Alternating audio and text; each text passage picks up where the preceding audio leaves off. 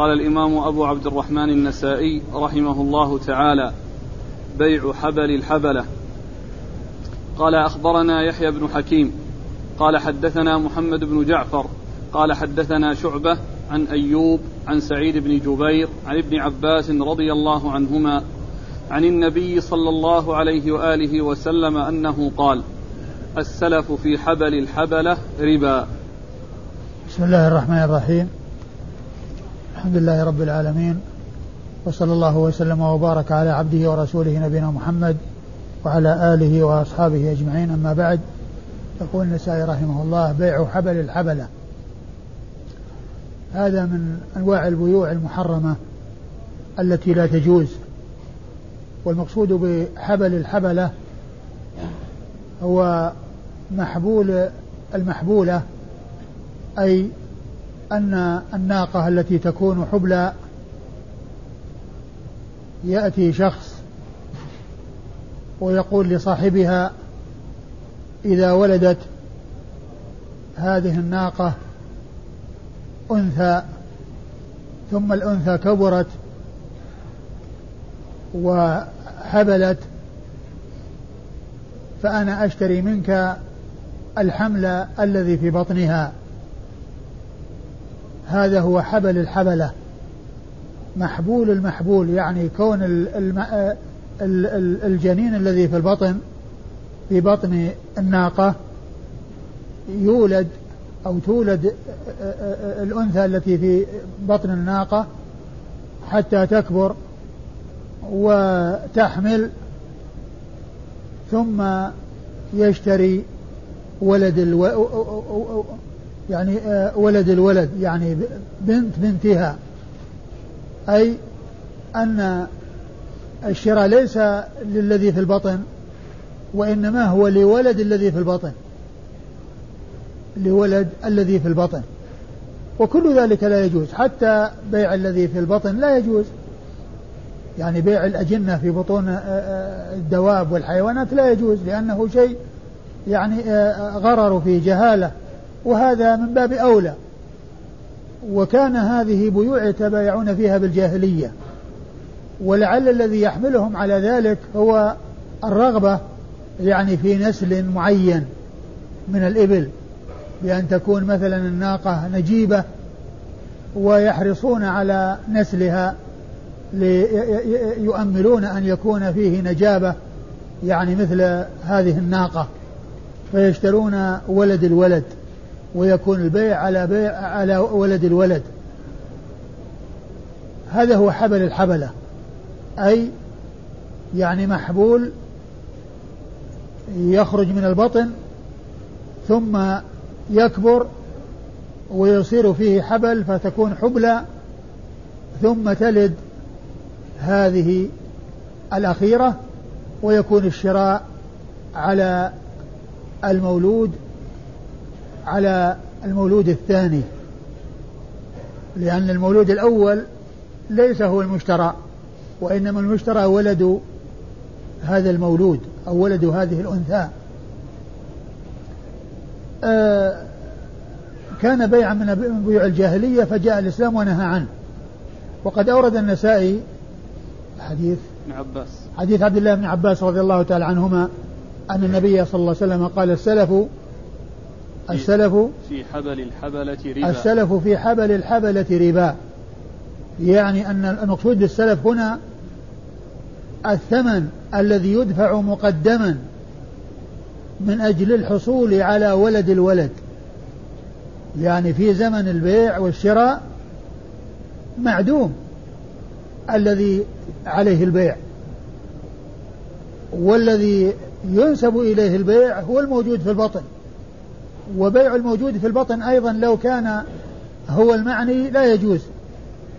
وهذا أشد وأبعد في عدم الجواز لأنه بيع معدوم لأنه اتفاق على معدوم وغير موجود وغير مقدور على تسليمه ففيه غرر فالسلف يأتي لمعنيين معنى القرض وليس هذا من وليس من هذا القبيل الذي هنا وإنما المقصود به تعجيل الثمن وتأجيل المثمن. لأن القرض لأن السلف تعجيل الثمن وتأجيل المثمن. وهو في هذا النوع لا يجوز. الثمن هو القيمة التي سلمت مقدما والمثمن ولد الولد الذي هو معدوم عند الاتفاق وعند البيع والشراء معدوم غير موجود. يعني الأم هي الموجودة في البطن. وولد ولدها يأتي عند كبرها وحملها وهو معدوم عند الاتفاق. فهو بيع لا يجوز. السلف في حبل الحبلة ربا يعني تقديم الثمن. ودفع ثمن معجل من أجل الحصول على ولد ولد الناقة الحبلى. ذلك لا يجوز. فهو السلف بهذا المعنى. وقوله إنه ربا يعني أنه حرام مثل الربا. هو حرام مثل الربا. لأنه بيع معدوم وغير مقدور على تسليمه ففيه غراره وفيه غرر وفيه جهالة. وكل ذلك لا يجوز. إذا هذا البيع الذي الذي هو من بيوع الجاهلية وهو بيع حبل الحبلة من البيوع المحرمة التي جاء الإسلام بمنعها لأنه بيع مبني على غرر وعلى جهالة وفيه بيع معدوم وبيع ما ليس عند الإنسان وكل هذه أمور لا يسوغ عقد البيع عليها. وأما إسناد الحديث فيقول النسائي أخبرنا يعلى بن حكيم وهو ثقة أخرج حديثه أبو داود والنسائي وابن ماجه عن محمد بن جعفر وهو الملقب غندر البصري وهو ثقة أخرج له أصحاب الكتب الستة. عن شعبة ابن الحجاج الواسطي ثم البصري وهو ثقة وصف بأنه أمير المؤمنين في الحديث وحديثه أخرجه أصحاب الكتب الستة. عن أيوب وهو بن أبي تميمة السختياني وهو ثقة أخرج له أصحاب الكتب الستة. عن سعيد بن جبير وهو ثقة فقيه أخرج له أصحاب الكتب الستة. عن عبد الله بن عباس ابن عبد المطلب ابن عم النبي صلى الله عليه وسلم وأحد العبادلة الأربعة من أصحابه الكرام. وهم عبد الله بن عباس وعبد الله بن عمر وعبد الله بن الزبير وعبد الله بن عمرو بن العاص رضي الله تعالى عنهم. اشتهروا بلقب العبادلة و وإن كان غيرهم كثير ممن يسمى عبد الله مثل عبد الله بن مسعود وعبد الله بن قيس اللي هو أبو موسى الأشعري إلا أن الذي اشتهروا بلقب العبادلة هؤلاء الأربعة الذين هم من صغار الصحابة وكانوا في سن متقارب وأدركهم من لم يدرك كبار الصحابة فاشتهروا بهذا اللقب الذي هو لقب العبادلة وعبد الله بن عباس هو أحدهم رضي الله تعالى عنهم وعن الصحابة أجمعين. ثم أيضا ابن عباس عبد الله هو أحد السبعة المعروفين بكثرة الحديث عن النبي صلى الله عليه وسلم. الذين اشتهروا بكثرة الحديث من الصحابة سبعة. فيهم ابن عباس. وهو من صغار الصحابة رضي الله تعالى عنه وأرضاه. لكنه من المكثرين. الذين تحملوا الحديث وحملوا الحديث عن النبي صلى الله عليه وسلم. وهؤلاء السبعة هم أبو هريرة وابن عمر وابن عباس وأبو سعيد الخدري وجابر بن عبد الله الأنصاري وأنس بن مالك وأم المؤمنين عائشة.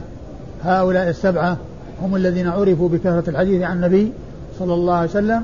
ستة رجال وامرأة واحدة رضي الله تعالى عنهم وعن الصحابة أجمعين. نعم. قال أخبرنا محمد بن منصور. قال حدثنا سفيان عن أيوب عن سعيد بن جبير عن ابن عمر رضي الله عنهما أن النبي صلى الله عليه وآله وسلم نهى عن بيع حبل الحبلة. ثم ورد النسائي حديث عبد الله بن عمر رضي الله تعالى عنهما وهو أن النبي صلى الله عليه وسلم نهى عن بيع حبل الحبلة.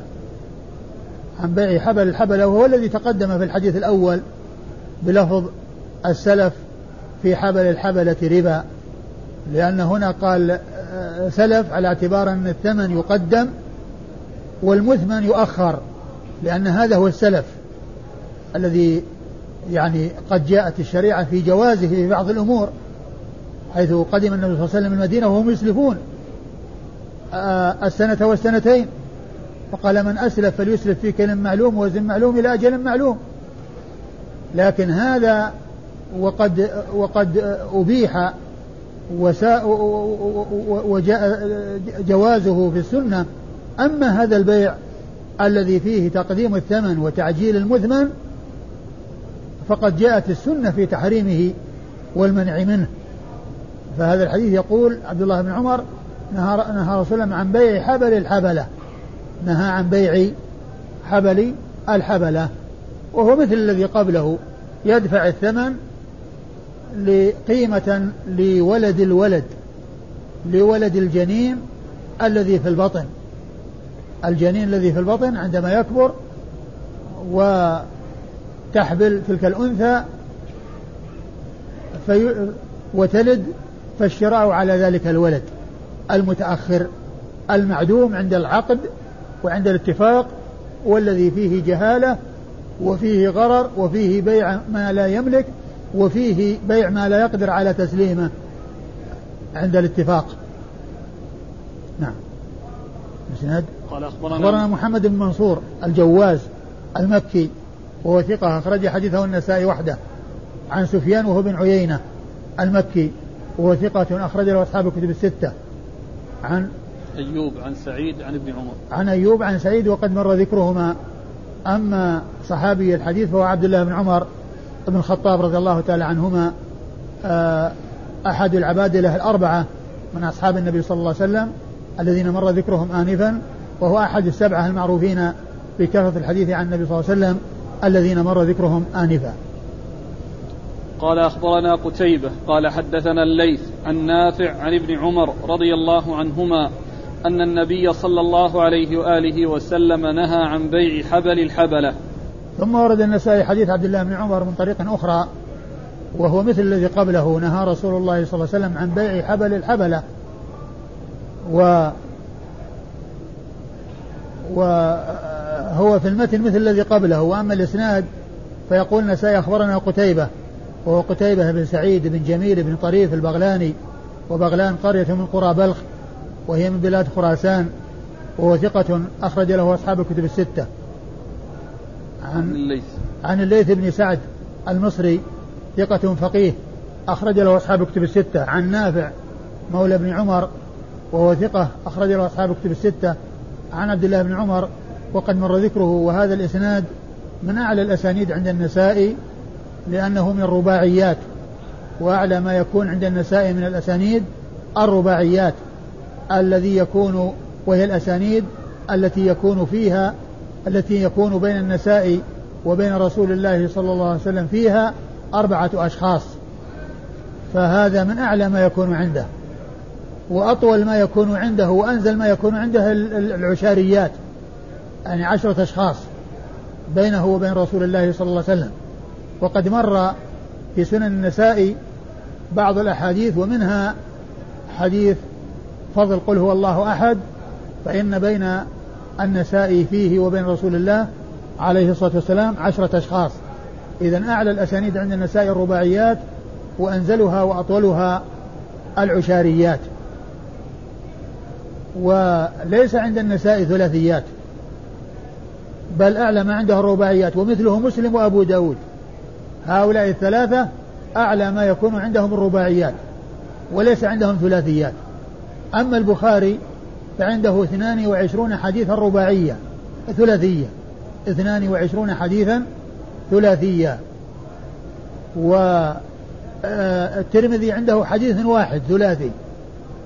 والنسائي وابن ماجه عنده خمسة أحاديث ثلاثية كلها بإسناد واحد وهو ضعيف.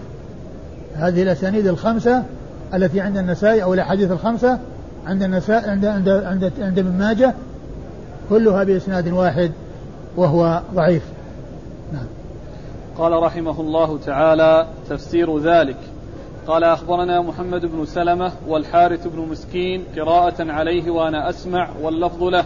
عن ابن القاسم قال حدثني مالك عن نافع عن ابن عمر رضي الله عنهما أن النبي صلى الله عليه وآله وسلم نهى عن بيع حبل الحبلة وكان بيعا يتبايعه أهل الجاهلية. كان الرجل يبتاع جزورا إلى أن تنتج الناقة ثم تنتج التي في بطنها. ثم أورد النسائي هذه الترجمة وهي تفسير ذلك. يعني تفسير حبل الحبلة.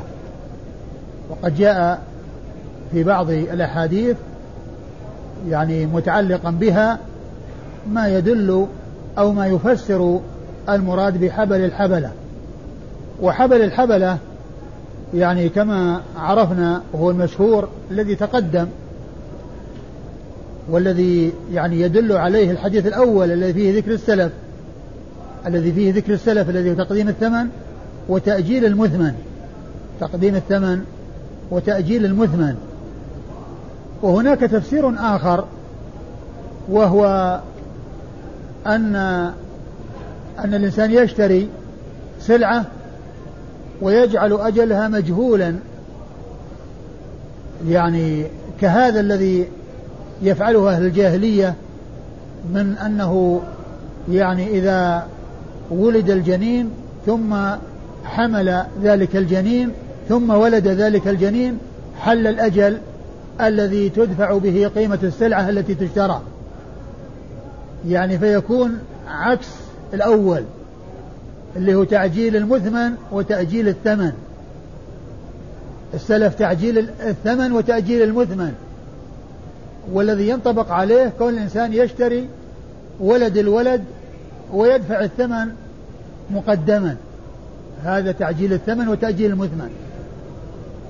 عكسه وهو أن المثمن يعجل والثمن يؤجل لكن التأجيل إلى أجل مجهول غير معلوم. وهو إلى أن تنتج الناقة ثم ينتج يعني ولدها وعند ذلك يحل الأجل. يعني معناه يشتري سلعة يشتري ناقة مثلا فيقول إذا يعني آه ولدت مثلا هذه الناقة وولد ولدها بعد ذلك يحل الثمن الذي يدفع في مقابل السلعة. أيضا كل هذا لا يجوز لأن الأجل مجهول لأنه مبني على أجل مجهول. والأجل يعني يكون معلوما وإذا كان مجهول أدى إلى الاختلاف وإلى يعني الخصومات وإلى النزاع والأصل أنه يبتعد عن كل شيء يؤدي إلى الخصومات وإلى النزاع وتكون الأمور واضحة وجلية عند الاتفاق آه، أورد النسائي حديث عبد الله بن عمر آه، نهى رسول الله عن بيع حبل الحبلة ثم قال وكان بيعا إيش؟ يتبايعه أهل الجاهلية. كان الرجل يبتاع جزورا إلى أن تنتج الناقة ثم تنتج التي في بطنها. يعني هذا يحتمل أن يكون المقصود به الأجل يعني معناه يبيع الناقة ويعني ثمنها يحل إذا أنتجت الناقة وأنتج الذي في بطنها. ويحتمل الأول الذي جاء ما يدل عليه في الحديث الأول وهو السلف في حبل الحبلة ربا يعني الذي فيه تعجيل الثمن وتأجيل المثمن. وكل من البيعين لا يجوز لا تعجيل الثمن ولا تأجيل المثمن لا تعجيل الثمن ولا تعجيل المثمن والجهالة في الأجل. والجهالة أو مع الجهالة في الأجل. عندما يقدم المثمن الذي يشترى وهو السلعة وثمنها يحل بأجل مجهول يعني غير معلوم. كل هذا لا هذا هذا لا يسوق وهذا لا يسوق أيوه. قال أخبرنا محمد بن سلمة. محمد بن سلمة المرادي المصري وهو ثقة أخرج حديثه مسلم وأبو داود والترمذي. والنسائي وابن ماجه. مسلم وأبو داود. والنسائي مسلم وأبو داود والنسائي وابن ماجه. والحارث بن مسكين المصري وهو ثقة أخرج حديثه أبو داود والنسائي. عن ابن القاسم وهو عبد الرحمن بن القاسم المصري وهو ثقة أخرج حديثه البخاري وأبو داود في المراسيل والنسائي. عن مالك وهو ابن أنس إمام دار الهجرة المحدث المشهور أحد أصحاب المذاهب الأربعة المشهورة من مذاهب أهل السنة وحديثه أخرجه أصحاب الكتب الستة. عن عن نافع عن ابن عمر. عن نافع عن ابن عمر وقد مر ذكرهما. قال رحمه الله تعالى بيع السنين. قال أخبرنا محمد بن منصور قال حدثنا سفيان عن أبي الزبير عن جابر رضي الله عنه أنه قال نهى رسول الله صلى الله عليه وسلم عن بيع السنين. ثم ورد النسائي هذا الترجمة وهي بيع السنين. والمقصود ببيع الثمر سنين. بيع ثمر الشجر وثمر النخل سنين. وقد سبق أن مر الحديث وفيه ذكر يعني بيع ثمر بيع الثمر سنين. عن بيع الثمر سنين. يعني معناه أن صاحب بستان يبيع يعني ثمر بستانه عدة سنوات. اتفاق على شيء معدوم وعلى شيء مجهول. غير موجود عند الاتفاق. بل لو كان موجودا الثمر ولم يبدو صلاحه فإنه لا يجوز كما سبق أن عرفنا في الأحاديث أنه لا يجوز بيع الثمر قبل بدو صلاحه حتى ولو كان موجود. هذا أكثر من هذا وأبعد من هذا وهو أن يبيعه عدة سنوات وهو غير موجود. وهو بيع شيء معدوم فهو لا يجوز. فالمقصود من بيع السنين هنا أي بيع الثمر سنين. يعني معناه ما يثمر هذا النخل لخمس سنوات أو أربع سنوات أو ثلاث سنوات. يعني يتفق معه على بيعه وهو غير موجود. هذا غير صحيح لأنه يمكن أن يظهر قليل يمكن يطلع كثير. بل حتى لو لو كان الثمر موجودا كما هو كما قد عرفنا ولكنه ما بدا الصلاح فإن ذلك لا يجوز. لأن الرسول نهى عن بيع الثمر حتى يبدو صلاحه. يعني ف وهو أخف و, و, و يعني أبعد يعني في يعني من, من, من الآخر الذي هو السنين. يعني أخف منه أبعد يعني في الغرر والجهالة لأنه شيء موجود لكن خشية يعني ما يحصل له من آفة وما يحصل له من جوائح يعني منع من بيعه حتى يزهو وحتى يطيب أكله وحتى تبدأ الاستفادة منه فهذا لا يجوز فذاك من باب أولى. وقد جاء النهي عن ذلك في هذا الحديث وهو حديث آه، عمرو بن شعيب. لا هذا أبي الزبير عن جابر. عن نعم عن جابر حديث جابر رضي الله عنه نهى الرسول صلى الله عليه وسلم عن بيع السنين أي بيع الثمر عدة سنوات لأنه بيع شيء معدوم. غير موجود وهو لا يجوز. والإسناد؟ قال أخبرنا محمد بن منصور عن سفيان عن محمد بن منصور وسفيان هو منصور هو الجواز وسفيان بن عيينة وقد مر ذكرهما. عن أبي الزبير. عن أبي الزبير وهو محمد بن مسلم بن تدرس المكي وهو صدوق يدلس وحديثه أخرجه أصحاب الكتب الستة. عن جابر بن عبد الله الأنصاري رضي الله تعالى عنهما وهو صحابي ابن صحابي وهو أحد السبعة المعروفين بكثرة الحديث عن النبي صلى الله عليه وسلم والذين مر ذكرهم آنفا. إيش؟ يقول هنا البيع بيع ونكره بيع سنين هناك بيع ما يكون هذا؟ لا هو لا هو بيع السنين هو نفس الحديث هو نفس الحديث بس جاء بطريق آخر. هو حديث جابر نفسه يعني راح. يعني جاء هنا مختصر وجاء هناك يعني موضح ومبين. مثلا يا شيخ بيع الحيوان سنين. يجوز؟ شلون بيع الحيوان يعني مثل الأول بيع حبل الحبل ما تلد أو ما ينتج من هذه الأبقار أو من هذه الاغنام ما يجوز ابدا ما يجوز. ما يجوز. حتى الذي في البطن لا يجوز بيعه. الا موجود في البطن لا يجوز بيعه لأنه يعني مجهول. وغير مقدور على تسليمه. وقد يموت في البطن.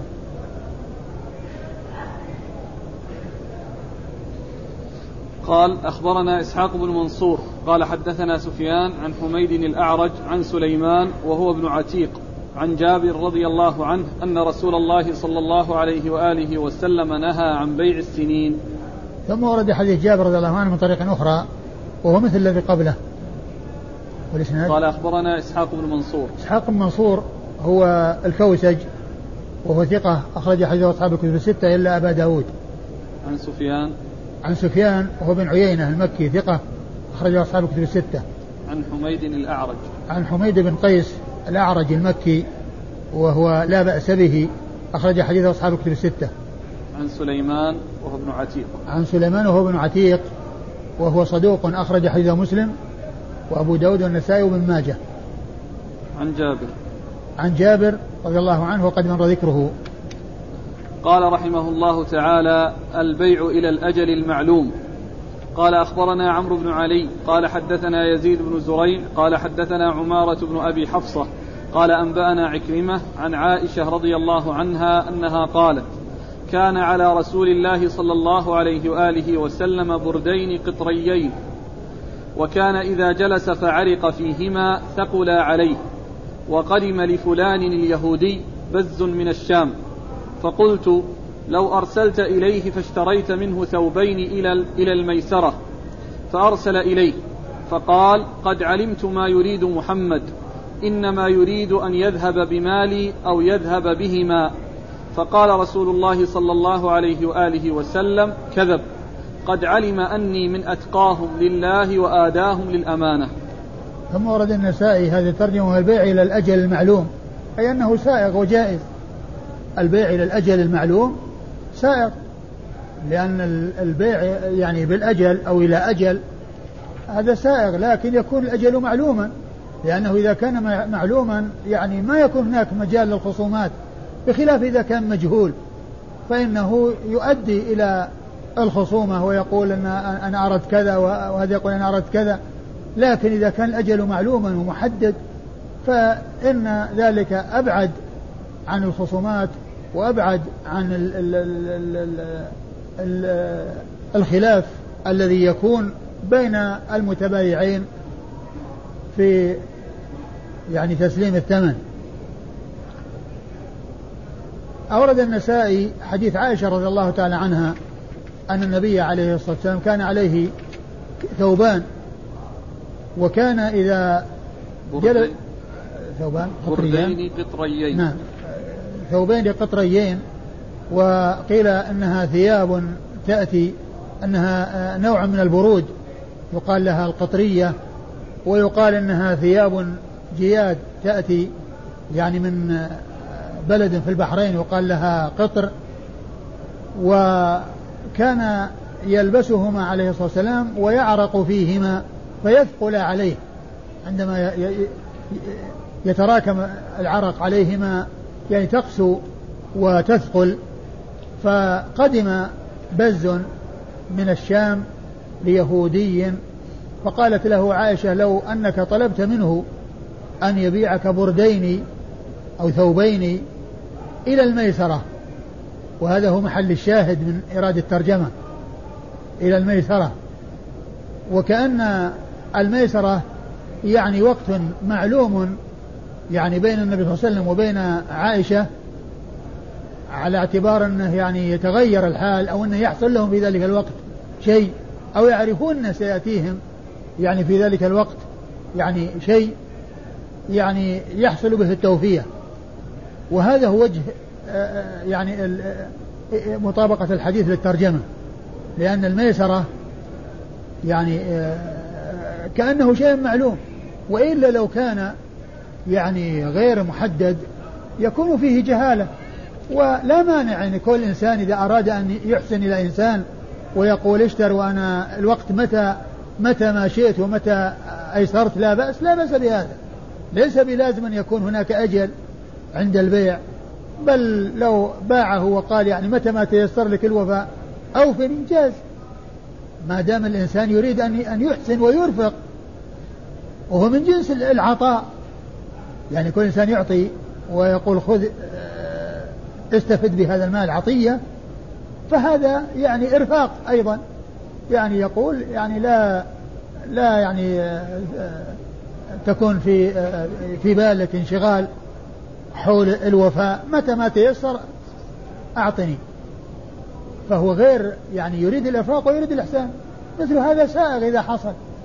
لكن يعني إذا كان القضية ما فيها يعني هذا المعنى وإنما يعني فيه جهالة وفيه خصومة ويؤدي إلى الخصومات هذا لا يسوق. ولكن الترجمة التي معنا وهي البيع للأجل معلوم ليس فيه ذكر الأجل إلا أنه يفهم من قول عائشة إلى الميسرة أنه وقت معلوم بينهم يعني يحصل لهم فيه شيء.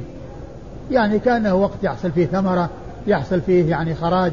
يحصل فيه يعني أشياء يعني اعتادوا أنه يحصل لهم في ذلك الشيء شيء فقالت إلى الميسرة ما قالت إلى الشهر الفلاني أو إلى الوقت الفلاني ولكنه بحكم معلوم أن ذلك الوقت يحصل لهم شيء من اليسار ويحصل لهم شيء من الأمور التي آه، آه، تصل إليهم تصل إليهم في ذلك الوقت المعين الذي أشارت إليه عائشة وهو من, حي من, من, من هذا المعنى آه، صلح لأن يستدل به على البيع إلى الأجل المعلوم مع أنه ليس فيه تنصيص على أجل معين وإنما إلى الميسرة والميسرة يعني شيء فيما بينهم معروف أنه يحصل فيه تغير الحال من العسر إلى اليسر.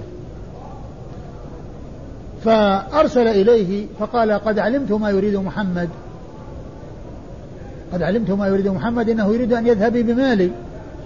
أو يذهب بهما أي الثوبين. فقال عليه الصلاة والسلام كذب. قد علم أنني أتقاهم لله وآداهم للأمانة ولكن الذي دفعه إلى هذا الكلام وإلى هذا الظن السيء وإلى هذه المقالة الخبيثة في حق النبي صلى الله عليه وسلم الحسد والحقد والعداوة الشديدة. من اليهود للرسول صلى الله عليه وسلم.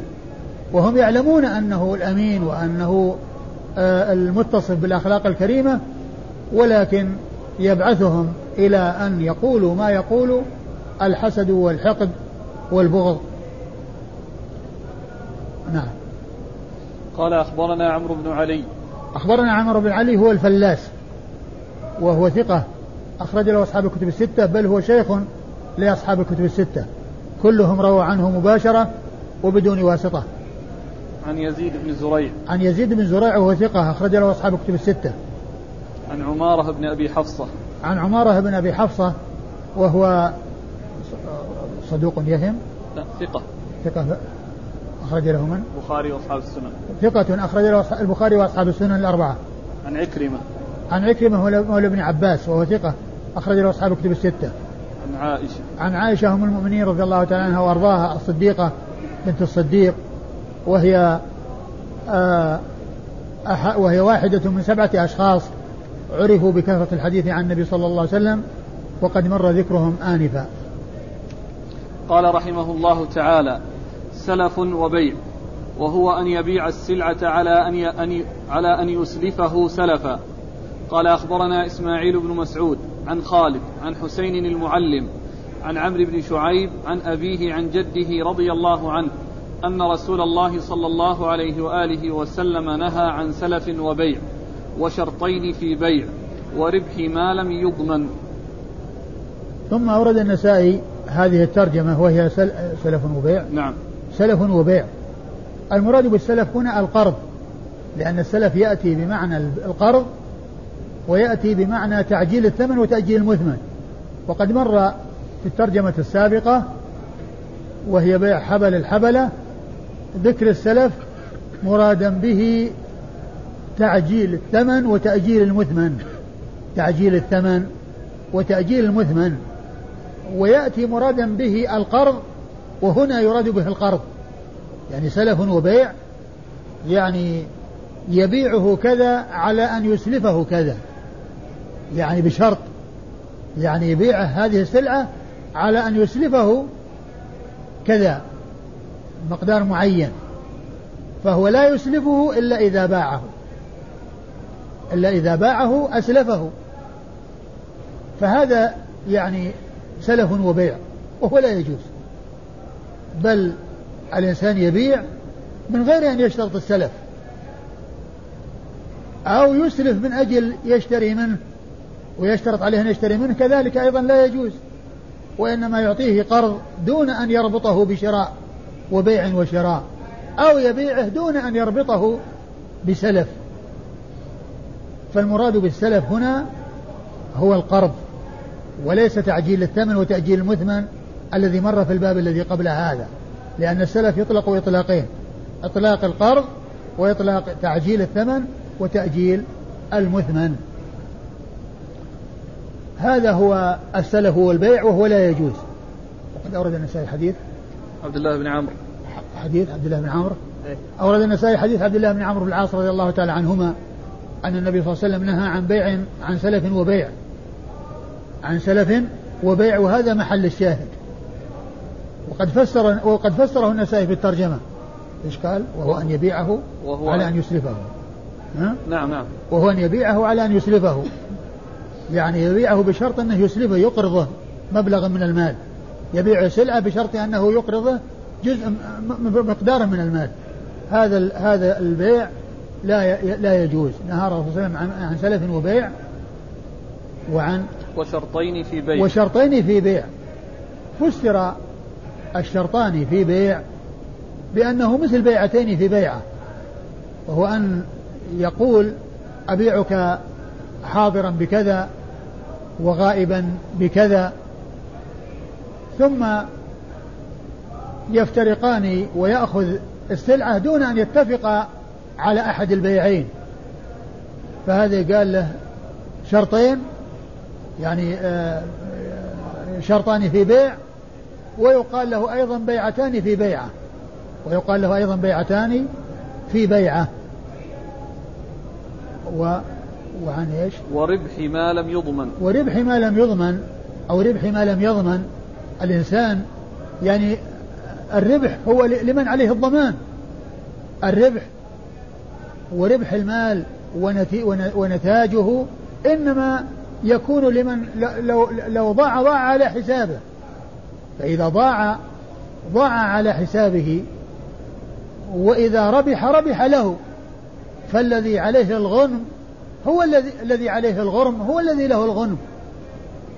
من يحصل له من يحصل له الغرم هو الذي يحصل له الغنم في المال. من تحصل له الخسارة هو الذي يحصل له الربح. ف يعني لا يربح شيئا لا يضمنه. ومن أمثلة ذلك أن يعني يبيع سلعة لم تكن في ضمانه. فالبيع لا يجوز والربح لا يجوز. بمعنى أن إنسان يشتري سلعة ولم يقبضها من المشتري من البائع فهي باقية في ضمان البائع. فلا يبيعها وهي لم تقع في ضمانه فبيعها حرام والربح الذي يترتب عليها أيضا لا يحل لأنه من ربح ما لم يضمن. ف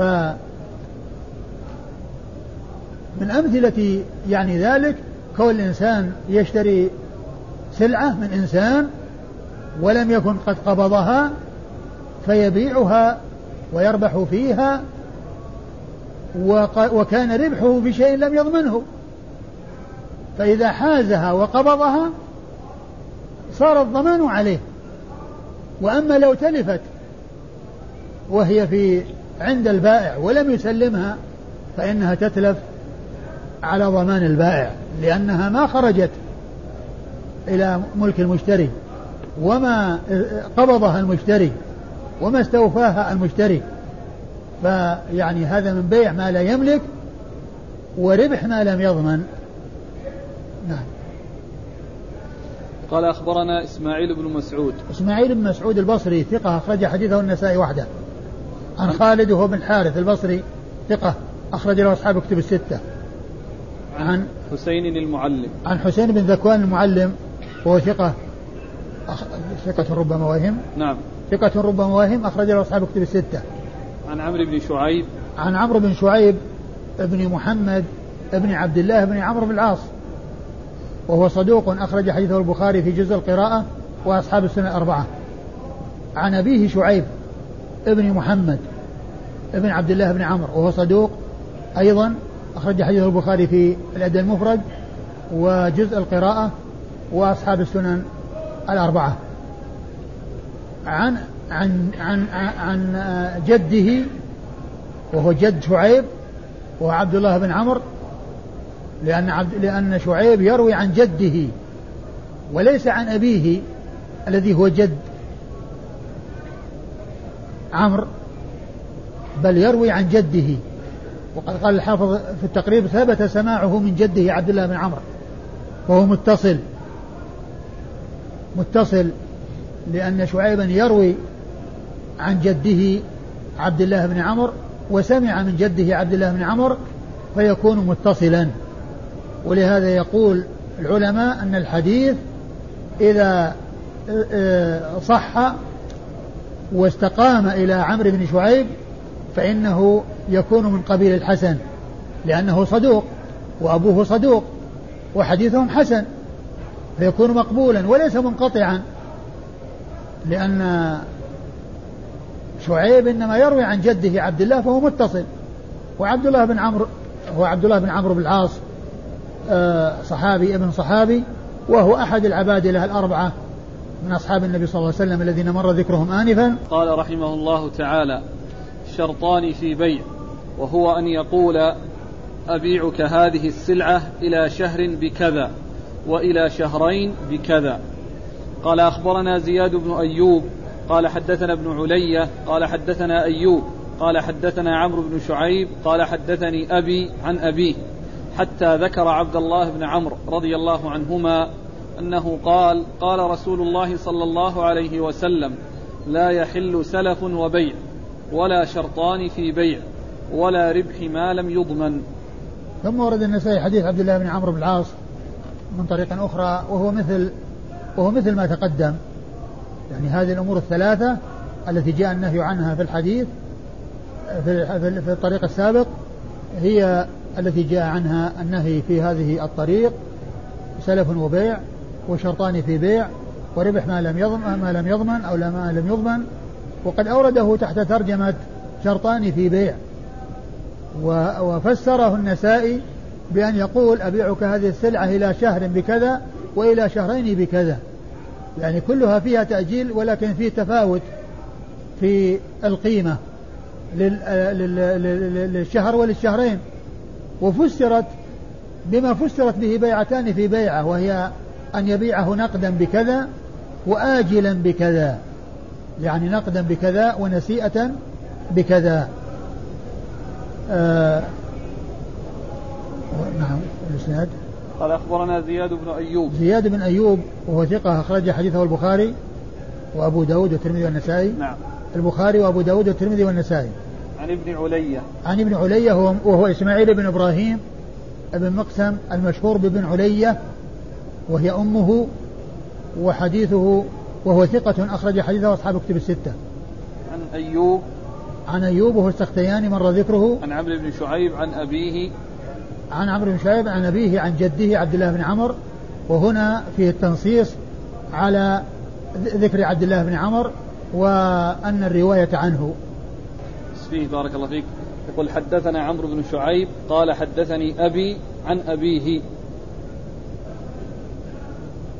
حدثني أبي عن أبيه. عن أبيه حتى ذكر. حتى ذكر عبد الله بن عمرو. هو هو مثل الذي قبله الإسناد. يعني الإسناد فيه عمرو بن شعيب عن أبيه عن جده. لكن يعني قوله حتى ذكر يعني أنه تفسير لأبيه. الذي هو قوله عن أبيه. المقصود به يعني بعبد الله بن عمر المقصود بأبيه وطبعا هو أبوه. وإن كان جده لأن الجد أب كما هو معلوم. قال أخبرنا محمد بن رافع قال حدثنا عبد الرزاق قال حدثنا معمر عن أيوب عن عمرو بن شعيب عن أبيه عن جده رضي الله عنه أنه قال نهى رسول الله صلى الله عليه وآله وسلم عن سلف وبيع وعن شرطين في بيع واحد وعن بيع ما ليس عندك وعن ربح ما لم يضمن. ثم ورد النسائي حديث عمرو بن شعيب عن أبيه عن جده ومثل ما تقدم إلا أن فيه ذكر عن بيع ما عن بيع ما ليس عندك زيادة على ما تقدم. وبيع ما ليس عند الإنسان لا يجوز بل الإنسان يشتري شيء يملكه. فلا يجوز له أن يبيع شيئا لا يملكه وإنما يبيع الشيء الذي داخل في ملكه. الأمور والثلاثة الأخرى سبق أن مرت في الطرق السابقة والإسناد قال أخبرنا محمد بن رافع. محمد بن رافع هو النيسابوري. القشيري النيسابوري وهو أحد شيوخ مسلم الذين أكثر من الرواية عنهم. وهو يتفق يعني مسلم يتفق مع شيخه في النسبة في النسب وفي النسب إلى القبيلة والنسب إلى البلد فهو نيسابوري مسلم نيسابوري ومحمد بن رافع نيسابوري ومسلم قشيري من حيث النسب و آه، محمد بن رافع قشيري وهو ثقة أخرج له أصحاب الكتب الستة إلا ابن ماجه. عن عبد الرزاق. عن عبد الرزاق بن همام الصنعاني اليماني ثقة أخرج له أصحاب الكتب الستة. عن معمر. عن معمر بن راشد الأزدي البصري ثم اليماني وهو ثقة أخرج له أصحاب الكتب الستة. عن أيوب عن عمرو بن شعيب عن أبيه عن جده. عن أيوب عن عمرو بن شعيب عن أبيه عن جده وقد مر ذكرهم. قال رحمه الله تعالى بيعتين في بيعة وهو أن يقول أبيعك هذه السلعة بمئة درهم نقدا وبمئتي درهم نسيئة قال أخبرنا عمرو بن علي ويعقوب بن إبراهيم ومحمد بن المثنى قالوا حدثنا يحيى بن سعيد قال حدثنا محمد بن عمرو قال حدثنا أبو سلمة عن أبي هريرة رضي الله عنه أنه قال نهى رسول الله صلى الله عليه وآله وسلم عن بيعتين عن بيعتين في بيعة. ثم ورد النسائي هذه الترجمة وهي بيعتين في بيعة وهي أن يقول أبيعك هذه السلعة بكذا نقدا وبكذا نسيئة. وقد ذكر كثير من أهل العلم على أن المقصود أن المقصود من ذلك أنه يذكر النقد ويذكر النسيئة ثم يكون يعني أخذ السلعة دون أن يتفق معه على أنه نقد أو على أنه نسيئة. فهذا لا يجوز لأنه دخول على غير بينة. ولهذا جاء في الحديث فله أوكسهما أو الربا. يعني معناه يكون الأمر يرجع إلى الأقل أو الربا لأنه ما اتفق معه على واحد بعينه أنه النقد أو النسيئة. وقد ذكر الشوكاني في كتابه نيل الأوطار عند شرحه لهذا الحديث أن جمهور أهل العلم على هذا المعنى الذي هو أن البيع بالآجال وإن زاد الثمن جائز. وأن الذي ورد في الحديث بيعتين في بيعة هو ما كان من هذا القبيل الذي يذكر له سعرا للنقد وسعرا للغائب ثم يأخذ السلعة دون أن يتفق معه على واحد منهما فإنه يتعين أن يرجع إلى النقد الذي هو الأقل. الذي هو الأقل وإلا كان ربا لكن لو دخل معه من أول أمر قال والله أنا ما عندي فلوس ولا أستطيع أن أشتري نقدا ولكنني أشتري نسيئة. والسلعة يعني لها يعني آه ثمن أكثر من سعر النقد. فقال إن ذلك سائق وعليه جمهور أهل العلم. وقد, وقد ذكر أنه ألف في ذلك رسالة سماها شفاء العليل. فيما جاء في زيادة الأجل من أجل زيادة الثمن من أجل التأجيل. شفاء العليل فيما جاء أو فيما في آه، زيادة في فيما جاء في زيادة الثمن من أجل التأجيل. يعني معناها أنه يشتري السلعة بثمن غائب وهو أكثر من سعرها النقدي. قال إن هذا سائغ وأنه يعني عليه جمهور أهل العلم ولا يعرف القول بخلافه إلا عن يعني عدد يسير جدا يعني ذكرهم ما أتذكر من من هم لكنه يعني ان إن جمهور أهل العلم على على هذا الذي ذكره من أن الممنوع هو غير هذا اللي هو بيع الآجال الذي هو بيع الآجال وهو تعجيل الثمن تعجيل المثمن تعجيل المثمن وتأجيل الثمن. والثمن فيه زيادة سواء كان فيه زيادة أو غير زيادة سواء باع بسعر النقد أو باع بسعر أكثر من أجل التأجيل. ذلك لا بأس به. آه، أورد في هذا حديث آه، أبي هريرة رضي الله عنه نهى رسول الله صلى الله عليه وسلم عن بيعتين في بيعة. وفسر كما قلت بأن يقول أبيع كذا نقدا بكذا ونسيئة بكذا ثم يأخذ السلعة دون أن يتفق معه على واحد منهما. وهذا هو الذي لا يجوز. أما لو عرف أنه يبيع نقدا بكذا ونسيئة بكذا وقال أنا ما عندي ثمن أدفعه ولكنني أشتري بالتأجيل ودخل معه على هذا الأساس فإن ذلك لا بأس به. والإسناد يقول النسائي أخبرنا عمرو بن علي. أخبرنا عمرو بن علي الفلاس وقد مر ذكره وهو من شيوخ أصحاب الكتب الستة.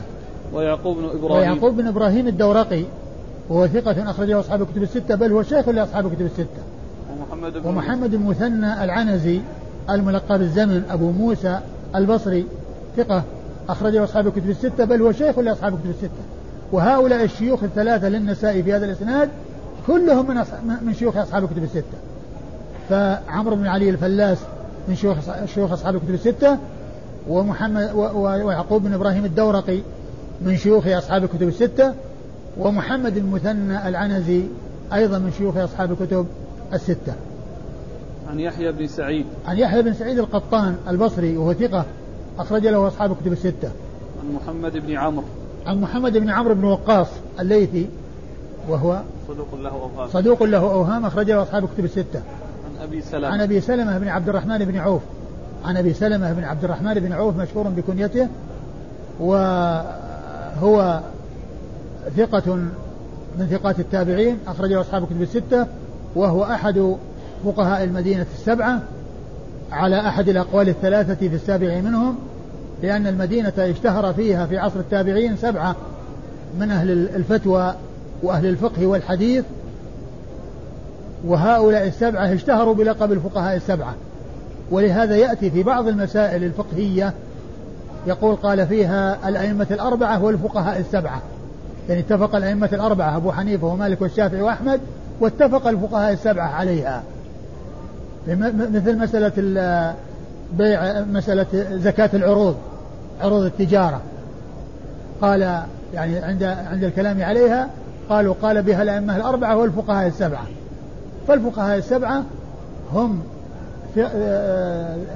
فقهاء في عصر التابعين في مدينة الرسول صلى الله عليه وسلم اشتروا بهذا اللقب. وهم سعيد بن جبير سعيد بن سعيد بن بن المسيب وعبيد الله بن عبد الله بن عتبة بن مسعود وعروة بن الزبير بن العوام وخارجة بن زيد بن ثابت وسليمان بن يسار والقاسم بن محمد بن أبي بكر الصديق. هؤلاء ستة متفق على عدهم في الوقاية السبعة. والسابع فيه ثلاثة أقوال. قيل السابع أبو بكر بن أبو سلمة بن عبد الرحمن بن عوف الذي معنا في الإسناد. وقيل السابع سالم بن عبد الله بن عمر بن الخطاب. وقيل السابع أبو بكر بن عبد الرحمن بن الحارث بن هشام. وهذا الذي معنا هو أحد أحد الفقهاء السبعة على أحد الأقوال الثلاثة في السابع منهم. عن أبي هريرة رضي الله عنه وعبد الرحمن بن صخر الدوسي صاحب رسول الله صلى الله عليه وسلم وأكثر الصحابة حديثا على الإطلاق عن النبي صلى الله عليه وسلم وقد مر آنفا ذكر السبعة المعروفين بكثرة الحديث عن النبي صلى الله عليه وسلم وأبو هريرة هو أكثرهم حديثا رضي الله تعالى عنهم وعن الصحابة أجمعين. ثم إن أبا هريرة معروف أنه تأخر إسلامه وأسلم عام خيبر في السنة السابعة ومع ذلك فقد أكثر من الرواية عن رسول الله صلى الله عليه وسلم حتى فاق غيره في الرواية ويرجع إكثاره من الرواية إلى عدة أسباب أو عدة أمور. أولا أنه كان ملازما للنبي صلى الله عليه وسلم منذ أسلم وكان يتابعه ويأكل معه ويشرب معه ويحضر مجالسه ويستمع لما يقوله عليه الصلاة والسلام. ثم أيضا كون النبي صلى الله عليه وسلم دعا له بالحفظ فكان من أوعية السنة رضي الله عنه وأرضاه. ثم أيضا هو ممن استقر في المدينة وبقي بها وطالت حياته والمدينة يأتي الناس إليها واردين وصادرين. ومن المعلوم أن من يكون فيها من أصحاب الرسول صلى الله عليه وسلم يقصده الوارد إليها ويأخذ عنه ويعطيه ما عنده. فكثرت روايته وكثر كثرت أحاديثه لهذه الأسباب رضي الله تعالى عنه وأرضاه. والله تعالى أعلم وصلى الله وسلم وبارك على عبده ورسوله نبينا محمد وعلى آله وأصحابه أجمعين.